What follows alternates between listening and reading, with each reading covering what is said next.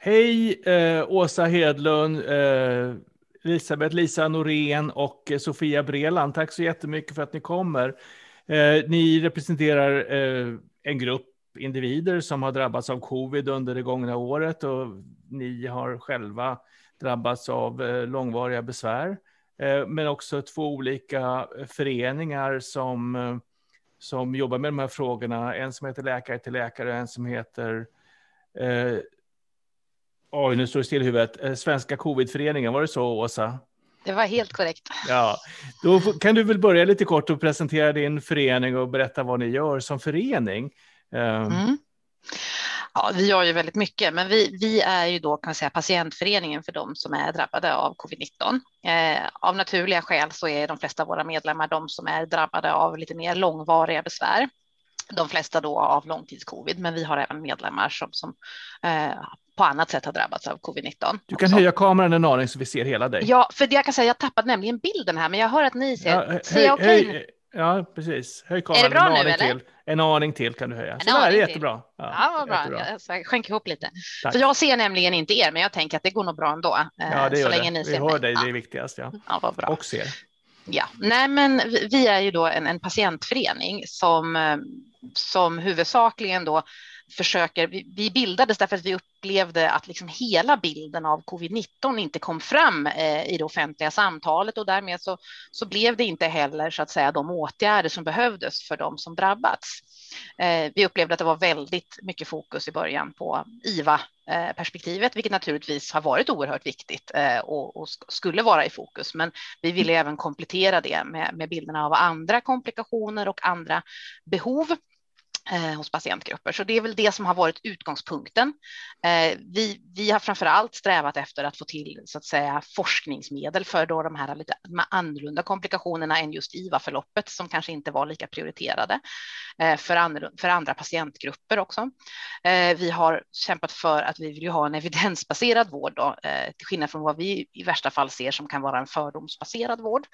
Och det bygger ju då på att man måste skapa lärande och det gör man ju naturligtvis genom forskning bland annat, men även genom att skapa förutsättningar för erfarenhetsbaserat lärande i vården så att man så säga, snabbt snappar upp de lärdomarna som man kan göra eh, om man samlar erfarenheter från patientgrupperna. Och sen har vi också då jobbat mycket med sjukförsäkringsfrågan, därför att det är ju också viktigt att de eh, som är värst drabbade, de som är sjukskrivna, och det är långt ifrån alla de som lider av, av långtidsbesvär av, av covid-19, men, men de som är det, de behöver ju också ha utrymme för, för konvalescens. Eh, och då fordrar ju det en sjukförsäkring som är anpassad efter efter situationen och där ser vi att vi har haft stora problem eh, i och med att vården inte har kunnat leverera kanske de underlag eh, som behövs. Eh, så det är väl huvudsakligen de frågorna vi jobbat med, men vi är ju nu. Eh, vi har väldigt mycket möten och, och kontakt med, med, myndigheter och regioner och forskare och eh, forskningsfinansiärer och så vidare och försöker så att säga verka för våra medlemmars skull. Fantastiskt. Att de ska bli friska. Ja, det, det är mm. underbart. Mm. Vi representerar ju tre föreningar, vi som sitter här. Eh, och, och, och vi har också mycket möten, men, vi, men, eh, vi kompletterar varandra tror jag väldigt mycket i våra aktiviteter. Mm. Lisa och Sofia, ska vi börja med Lisa? Berätta lite om läkare till läkare. Ja, eh, men vi började som en, eh, en grupp eh, läkare. Vi hittade varandra på Facebook eh, insåg förra våren att eh, det här var eh, olika nya symptom som dök upp i svallvågorna efter en initial infektion. Eh, och eh, i den gruppen har vi sedan med tiden insett att eh, den kunskap vi har nog behöver nå ut till våra kollegor ute i vården som möter patienter. Vi fick in mycket erfarenheter, dels från när vi själva besökte vården, men även eh, andra patienters berättelser om att man inte riktigt hade snappat upp. Och det var svårt att hänga med i, den snabba, den snabba kunskapsutvecklingen av eh, både både symptomutredning och sådana saker. Så att där någonstans övergick vi, vi morfade som man säger på spelspråk, till läkare till läkare, som då är en grupp där vi försöker sprida kunskap till andra läkare och vi har bland annat ett, eh, lanserat en hemsida med information, men vi har också skrivit lite debattartiklar och eh, figurerar i olika sammanhang för att lyfta de här frågorna lite från ett läkarperspektiv. Men vi är ju vi är både läkare och patienter i det här, så det är vår lite mer unika position i det här. Sofia, du och jag blev kompisar på Facebook någon gång för ett år sedan ungefär och då hade du haft covid redan tror jag. Och eh, jag, inte, jag inte blivit så väl omhändertagen av sjukvården om jag minns rätt nej, jag blev inte så väl omhändertagen. Ehm, så det är därför också jag, jag, jag började egentligen som du sa engagera mig i covidfrågan innan jag blev sjuk för att jag läste på det i januari, februari och undrade vad som pågick. Men sen så fick, blev jag själv sjuk 30 mars. Ehm, och det svåra är just det som Lisa säger och som jag också säger att det är svårt att bli tagen på allvar. Ehm, jag desaturerar till 84 procent, eh, 130 puls efter 20 meter. Och jag blev lämnad på marken utanför vårdcentralen ensam. Um, alltså det, jag har hört så många historier, liksom att man, det är som en paradox att man både säger att det inte finns och samtidigt så alla de här allvarliga symptomen som normalt sett kanske hade varit en prio 1-ambulans, de utreder man inte utan de säger man att det är bara covid. Och det kan vara feber hos barn i flera månader eller ett år och det kan vara syresättning som sjunker och, så, och puls på 150. Så det är den här paradoxen som är så svår att förhålla sig till. Eh, och jag tror väldigt många har blivit, vad ska man säga, är rädda för att söka vård därför att de har, om de träffar fel vårdgivare så blir de rätt knäckta och det förstår jag för det har jag också blivit. Ja, jag, jag förstod. Eh, ja, precis. Man, man träffar en läkare och det, och det, är funktionellt och så vidare. Björn har jobbat mycket med eh, kroniskt sjuka. Och det är inte så lätt att, att hantera sådana här frågor förstås, Björn. Nej, verkligen inte. Jag har ju haft en mottagning i, i Uppsala på Akademiska i ja, sex år nu för de som folk med eh, fästingburna infektioner, mm. eh, långvariga fästingburna infektioner och det vi har försökt hitta, ska vi säga, en, en utredningsalgoritm för att hitta de som verkligen har fästingburna infektioner och de som har andra besvär, alltså, eller orsakas av eh, andra orsaker. Alltså det kan vara tumörsjukdomar eller MS eller någonting sånt. Och eh, många gånger så har det varit så att den patientkategorin som många gånger upplever sig ha fästingburna infektioner eller de facto har det. De har ju valsat runt i vården väldigt lång tid och de har ju varit vårdkonsumenter eller konsumenter, alltså av rang. Eh, och eh, man har räknat på det där och sagt att ja, varje patient som söker vård under ett år multipla gånger genererar kostnader, utredningar och mottagningsbesök och där upp mot 25-30 000 kronor. Mm. Och det är klart att om vi nu får en väldigt stor, och det här är ändå en ganska begränsad grupp ska vi ha klart för oss. Men nu när vi har en så pass allmän smittspridning så kan vi ju räkna med att vi får en väldigt, väldigt stor grupp människor som kommer att söka Eh, sjukvård i framtiden under lång tid. Alla kommer, de flesta kommer ju naturligtvis så småningom att friskna till, men, men för många tar det väldigt, väldigt lång tid och en del kanske aldrig gör det. Eh, så att det, vi kommer få en stor kohort med människor som kommer att söka vård och där man inte har från vårdens sida inte kan leverera någon slags vettiga svar heller, utan det är hela tiden man får gå på varje enskilt symptom ja. så att säga. Och därför tycker jag det är väldigt tråkigt då när man såg, jag såg, det var någon reportage igår tror jag från Karolinska där man plötsligt skulle lägga ner eller åtminstone flytta ut den här mottagningen som man har startat på Karolinska. Som jag tycker är ett väldigt bra initiativ. Det finns väl bara två sådana här mottagningar i Sverige tror jag. Uh, det stämmer inte riktigt. Det, det finns fler, men det finns, vi säger så här, det finns två stycken mottagningar som har hunnit bygga upp erfarenhet ja. så, att, så att man kan säga att, att den här multidisciplinära expertisen mm. finns, eh, mm. att, man har, att man är expert på långtidscovid. Och det är ju den Karolinska i Solna nu som man då har fattat beslut om att då avveckla för att mm. liksom börja om från början och etablera en ny verksamhet mm. i Huddinge. Och, och, personalen här har man inte säkrat att, att de följer med över och man har ju så att säga etablerade rutiner, etablerade konstellationer och samarbeten de här emellan. Och det här har man mm. alltså gjort ut. Alltså, det här är ju inte bara en Stockholmsfråga, för ibland kanske någon undrar varför Svenska mm. Covidföreningen fokuserar så mycket på Stockholm. Men det här är ju alltså den yttersta expertisen i Sverige på långtidscovid. Det är de som stöttar andra regioner när de vill öppna mottagningar, när de vill satsa på det här. Och, och det är ju så oerhört viktigt. Det här är ju liksom patientsäkerheten i ett nötskal. För, för mm. det vi ser det är ju att det är de som hjälper till att diagnostisera vad är det som mm. är liksom orsaken. Eh, för det kan ju vara väldigt många olika orsaker, olika skador och mm. olika tillstånd. Och, då, och där är ju där man ska anpassa behandlingen, eller det är det man ska anpassa behandlingen efter. Så gör man inte det, då finns det ju en risk också att behandlingarna i sig också kan göra skada. Så det här, att man lägger, att man avveckla, inte ta tillvara på den här fantastiska verksamheten som har byggts upp. Det, det ställer vi oss helt oförstående till. Det är en skandal. Men hur många, alltså jag, jag vet ju åtminstone om två som har just den här multidisciplinära inriktningen där, där verkligen de sitter i sam, under samma tak i princip. Eh, specialister från olika områden oavsett om det är läkare eller fysioterapeuter och allt vad det nu är. Det är väl, det är väl eh, KS då eh, Solna och sen är det väl Jönköping också. Vrinnevi, Norrköping. Vrinnevi, ja, Vrinnevi, ja Norrköping tänkte jag på. Precis, men ja. sen är det så i, i Linköping och har man också startat upp och i Motala, men där är man ju mycket mer i sin linda och sen ja. tror jag inte att man har riktigt samma breda uppdrag. Eh, vi ser även i Skåne tror jag att det är två stycken på gång, eller två stycken och även fler på gång. Eh, och jag tror ytterligare det är någon, något ställe i landet där det är på gång. Men de här alla är ju väl, i väldigt tidig fas mm. eh, och, och, så att säga är ju beroende av stödet från de här två första som har hunnit bygga upp erfarenhet. Så är det. Men det är ju på gång. Men vi ska ju fortfarande komma ihåg att de flesta regioner inte har den här multidisciplinär, det vill säga olika sorters läkare som utreder, för det här är en multisystemisk sjukdom. Mm. Eh, mm. Nej, men jag skulle bara säga att de flesta har det inte och det här är ju något som WHO säger är grundläggande för, för lärandet kring sjukdomen. Sofia?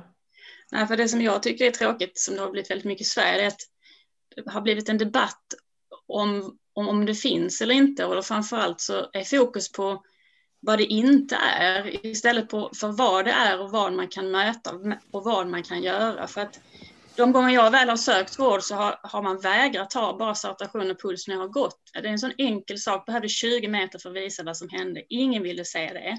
Och det har jag hört jättemånga patienter, istället för en ångestdiagnos.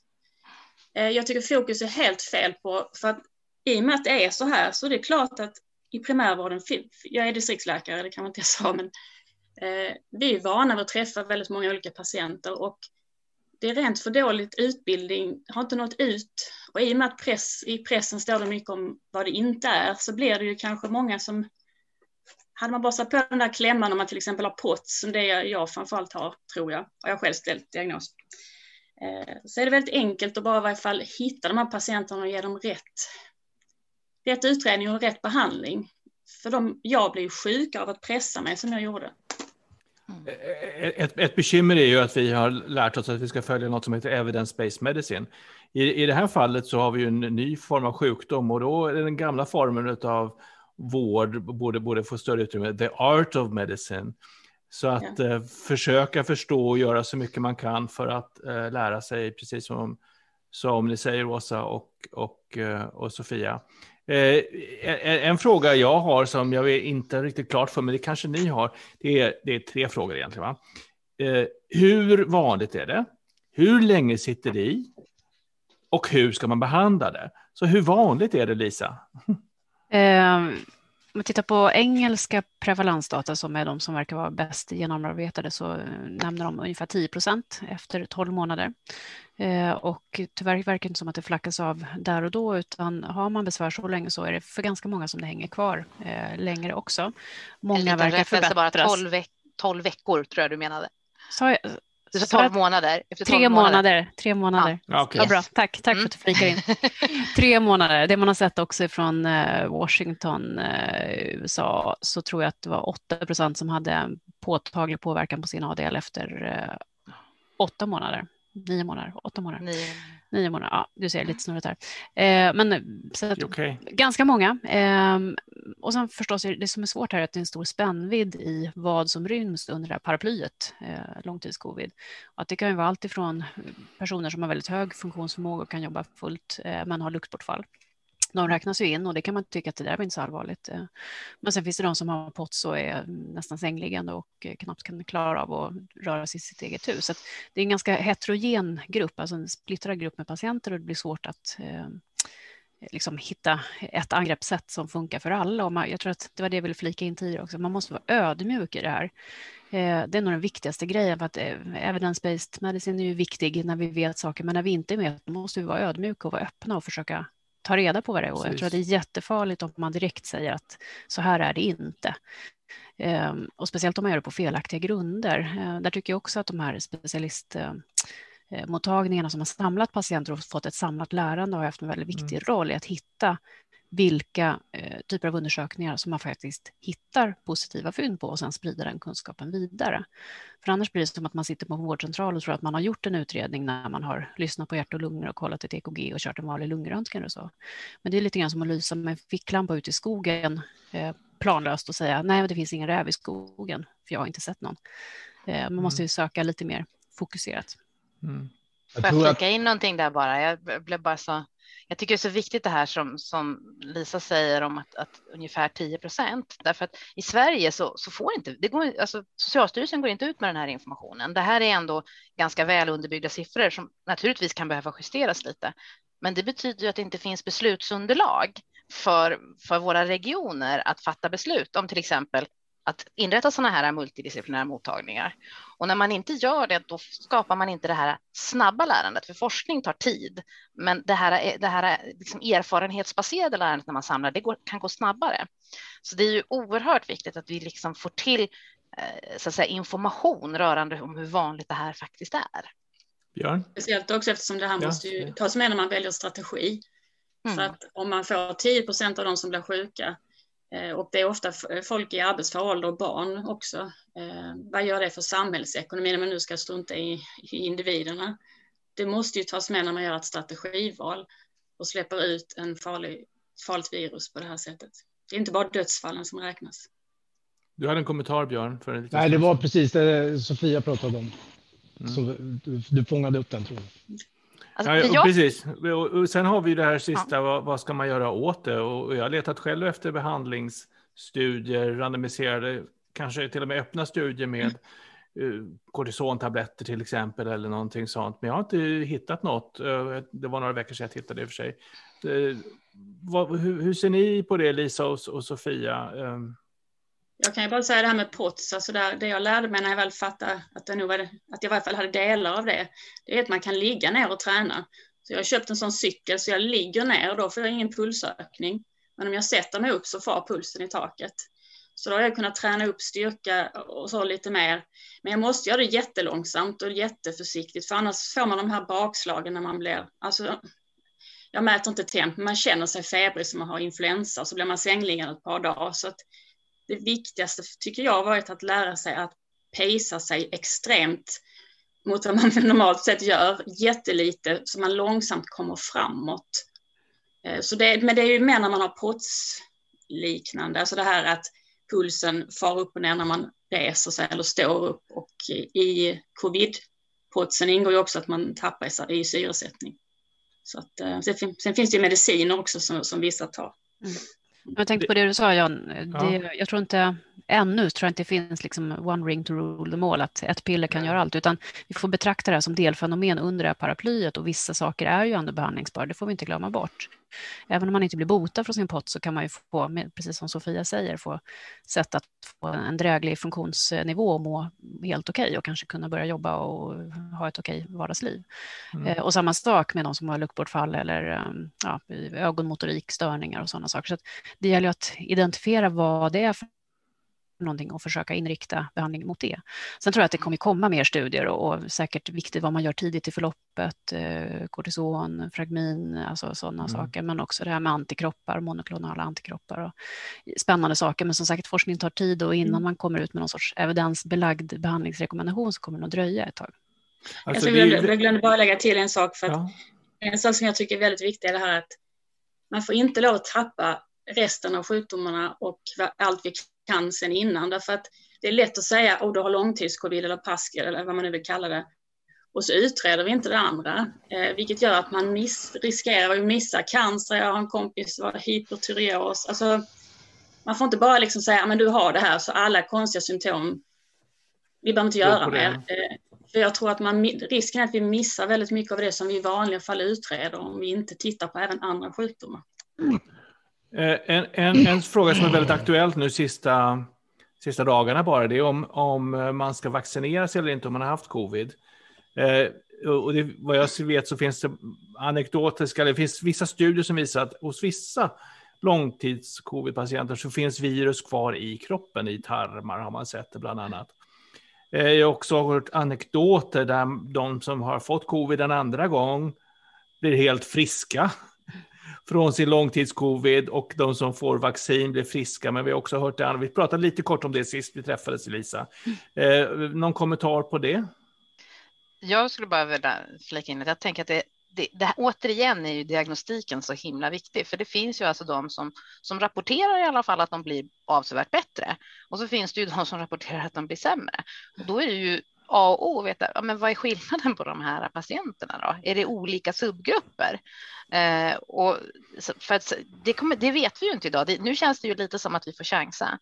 Eh, och om vi tittar i Sverige så, så ser vi ju att, att i Sverige så till, är det till och med olika regioner olika eh, rekommendationer. I Stockholm avråder man, i övriga länder gör man det inte. Och det, är ju, det är ju ingen tydlighet alls. Eh, vi har försökt från Svenska covidföreningen att få eh, svar från Läkemedelsverket i den här frågan Socialstyrelsen, Folkhälsomyndigheten, men vi får inga vettiga svar. Och när vi redan är i ett sådant läge där det är faktiskt så att många av de här patienterna får ju inte ens en diagnos. Så om det liksom så att säga får någon effekt åt det ena eller andra hållet när man tar vaccin, kommer man ens att märka det på ett bra sätt? Eh, eh, nu får vi ju hoppas att man kanske har lite bättre koll utomlands, men A och O är ju diagnostiken för att man ska kunna se hur, hur slår det? Eh, egentligen, egentligen har det funnits väldigt många sjukdomar som vi behandlar som en sjukdom som egentligen är flera sjukdomar. Mm. Jag har hållit på med astma i, eh, hela min vuxna vetenskapliga karriär och det vet vi nu att det finns många olika fenotyper eller subgrupper, eh, endotyper kallar vi till och med, av astma som ska behandlas optimalt på helt olika sätt. Mm. Obesitas, eh, associerad astma kan botas med obesitaskirurgi helt, liksom. Mm. Eh, åtminstone hos vissa individer, eh, om man inte är allergisk för har man allergisk så sjukdom så har man kanske kvar sin astma. Så att eh, eh fenotypdriven sjukvård, det tar ett tag att få evidens för det. Lisa, du, vad, hur tänker du kring vaccinering? Har du vaccinerat dig ännu?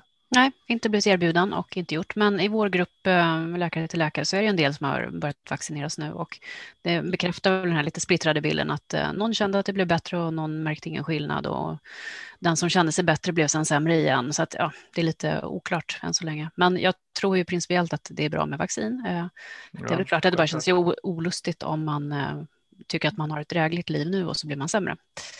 Mm. Så att eh, vi får snegla ja, Att man blir sämre med samband med själva vaccineringen, det är ju inte konstigt nej, nej, eftersom man har ett efter. immunsystem som, mm. som sparkas igång eh, med full karriär. Så att, mm. eh, men, men när jag pratar med vänner som har haft covid och de frågar om de ska vaccinera sig, så säger jag du kan vänta lite om du har antikroppar. Det är ingen, ingen ko på isen, det är det ena. Och det andra är om, om du vill vaccinera dig så kanske det räcker med en dos just nu, för du kommer ha det, men det är bara en, en, intuitiv vetenskaplig reflektion kan jag säga. Vad säger du Björn? Jag håller med. Jag tror också, det är också rent intuitivt och eh, jag har e-, egentligen inga större belägg för det, det verkar inte som någon har det, men jag tror att absolut att man kan vaccinera sig efter en tid efter man har haft sin covidinfektion. Och då, då, skulle jag nog låta det gå åtminstone sex månader i alla fall. Eh, det beror också lite grann på vilket vaccin man tar. För vi reagerar ju olika på de här olika vaccinerna och eh, uppenbart så finns det ju vacciner som är mer immunogena än andra så att säga. Som sparkar igång immunförsvaret mycket mer, mer än vad andra gör. Om man har haft trombo, tromboemboliska events i, så kanske man ska undvika vissa vacciner och inte? Ja, det beror på vilken typ av proppar man har haft så att säga. Men, men egentligen så tror jag att den här det som man har sett med AstraZeneca, den här kopplingen där till mm. Eh, proppar och att man får eh, tappa blodplättar, det är ju mer en, det tror jag är mer en immunologisk reaktion. Mm. Där det bland annat slår mot benmärgen. Eh, man, får, man sparkar igång någonting som... Trombocyterna. Ja, trombocyterna. Om man har haft en sån sjukdom som ITP exempelvis, där det också finns en slags immunologi bakom, då skulle jag nog vara väldigt försiktig med Astras vaccin. De har hittat den heparin, alltså den heparininducerad trombocytantikroppar. Ja, mm. då ska man nog vara... Mm. Mm. Det är mycket med det här. Ska, ska man prova eh, kortisonkur? Jag har ju gjort det. Eh, jag, jag tycker det är... Ja, alltså det, jag har ju försökt, till och med medverkat i media det, för att i mitt fall, och jag ska säga, det här är ju ingenting som gäller alla, utan som sagt, är en heterogen grupp. Mm. Men jag gick ju från att liksom frukta för mitt liv varje dag. Jag var jättedålig eh, på tre dagar till att uppleva att jag fick mitt liv tillbaka. Jag blev ju jättemycket bättre, men jag, jag hade tur i oturen att drabbas av en svår, svår infektion, inflammation. Jag hade så bara stora sår i ansiktet så jag var tvungen att ha en hög kortisondos. Annars ger man ju inte det till långtidscovid-patienter. Men då försvann ju eh, merparten av alla mina andra symptom också och under den här kuren försvann till och med febern eh, så att säga i ett par månader eh, för det mesta, inte alltid, men för det mesta. Eh, och när jag sen trappade ner, då kom ju delar av det här tillbaks, men jag blev ju aldrig så dålig som jag var innan. Så att, och jag har ju hela tiden sagt att åh, tänk om man kunde liksom forska på det här och ta reda på vilka är det som kan få den här hjälpen som jag fick. För för mig var det alltså, det var skillnaden mellan att vara sjukdom och att vara Åsa. Det var, det var liksom en riktig uppenbarelse. Eh, så att, eh, men jag förstår ju att det finns ju även de som kan bli sämre, så att det här är ju inte ja, mm. ingen standardlösning. Så. Vi har tre minuter kvar, då får Sofia börja på svara på samma fråga. Vad tror du om kortisontabletter eller andra interventioner? Alltså jag, jag blev sjuk först 30 mars, sen blev jag sämre i slutet av april och då var jag riktigt dålig. Och då fick jag kortison, eh, 30 milligram prednisolon. Eh, och då, då, vid det laget var jag så pass dålig så gick jag två steg så föll jag. Alltså jag desaturerade så snabbt. Och då hjälpte det. Då var det en jättestor hjälp. I den, mm. för jag tror också det har att göra med när i sjukdomsförloppet man är. Eh, och just mm. då tror jag det var otroligt bra att få det. Eh, sen skulle jag egentligen bara ta det, men jag fick trappa ner det under längre tid för det gick inte att sluta. Sen har jag försökt någon gång senare, men då har det inte gjort någon skillnad. Men sen tyvärr blev jag återinfekterad i december. Ehm, så ehm, jag skulle nog ha kört en kur också, men det tänkte jag inte på. Men jag, jag tror att det kan vara bra i vissa fall, men jag tror också det är en heterogen grupp, så det är, det är väldigt olika. Jag har en fråga från chatten som vi kanske kan ta snabbt här. Kommer vaccinen skydda från långtidscovid? Min bedömning är svar ja. Om man skyddas från infektion så skyddas man från långtidscovid. Vad säger du Björn? Mm, jag håller med. Jag tror att det, det kommer givetvis vacciner kommer skydda, men, men samtidigt så kommer ju också andra preventiva åtgärder att skydda ännu bättre kanske. Mm. Alltså exempelvis att få ner smittan allmänt i samhället, det är det bästa skyddet mot långtidscovid. Ja, det, alltså, det gäller att de även skyddar lite mot milda infektioner, men får man ner smittspridningen generellt så kommer det ju gå ner generellt också. Ja. Ja. ja eh, finns, finns det något exempel på asymptomatisk smitta som har fått långtidscovid. Uh, jag, jag, har inte sett det, men någon kommentar på det? Nej. Kan ju vara svårt att veta då att det är långtidscovid. Ja, det, det, det, om det, nu skulle vara så. det är faktiskt så, förutom att man kan mäta antikroppar. antikroppar. Eller PCR, ja, precis. Eh, Lisa, vad, mm. hur ser du på interventionsframtiden här? Ja, men jag är optimist och jag tänker att det här är ett vanligt tillstånd och globalt så forskas det jättemycket på det här så att det är klart att man kommer vilja hitta eh, behandlingsmöjligheter i det här. Det är, så brukar det funka när det mm. finns stora volymer att, eh, att mm. behandla så brukar någon komma till. Så det tror jag absolut. Eh, och exakt vad det blir, det tar vi en annan gång tror jag.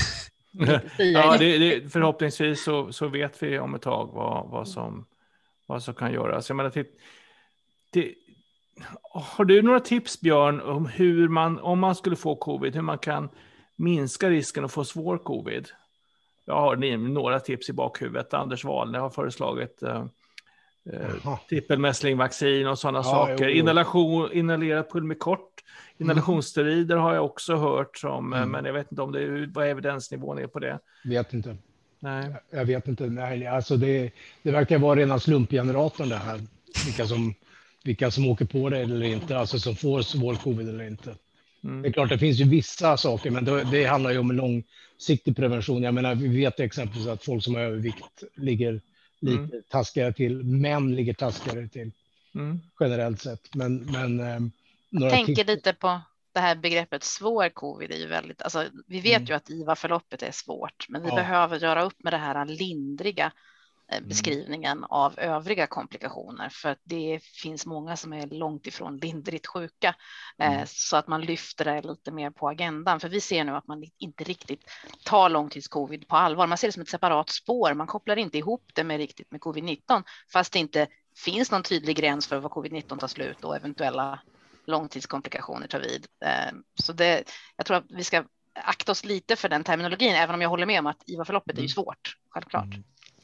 Det får bli de sista, sista orden i denna session. Tack så jättemycket Åsa och Sofia och Lisa för att ni ställde upp. Tack så jättemycket.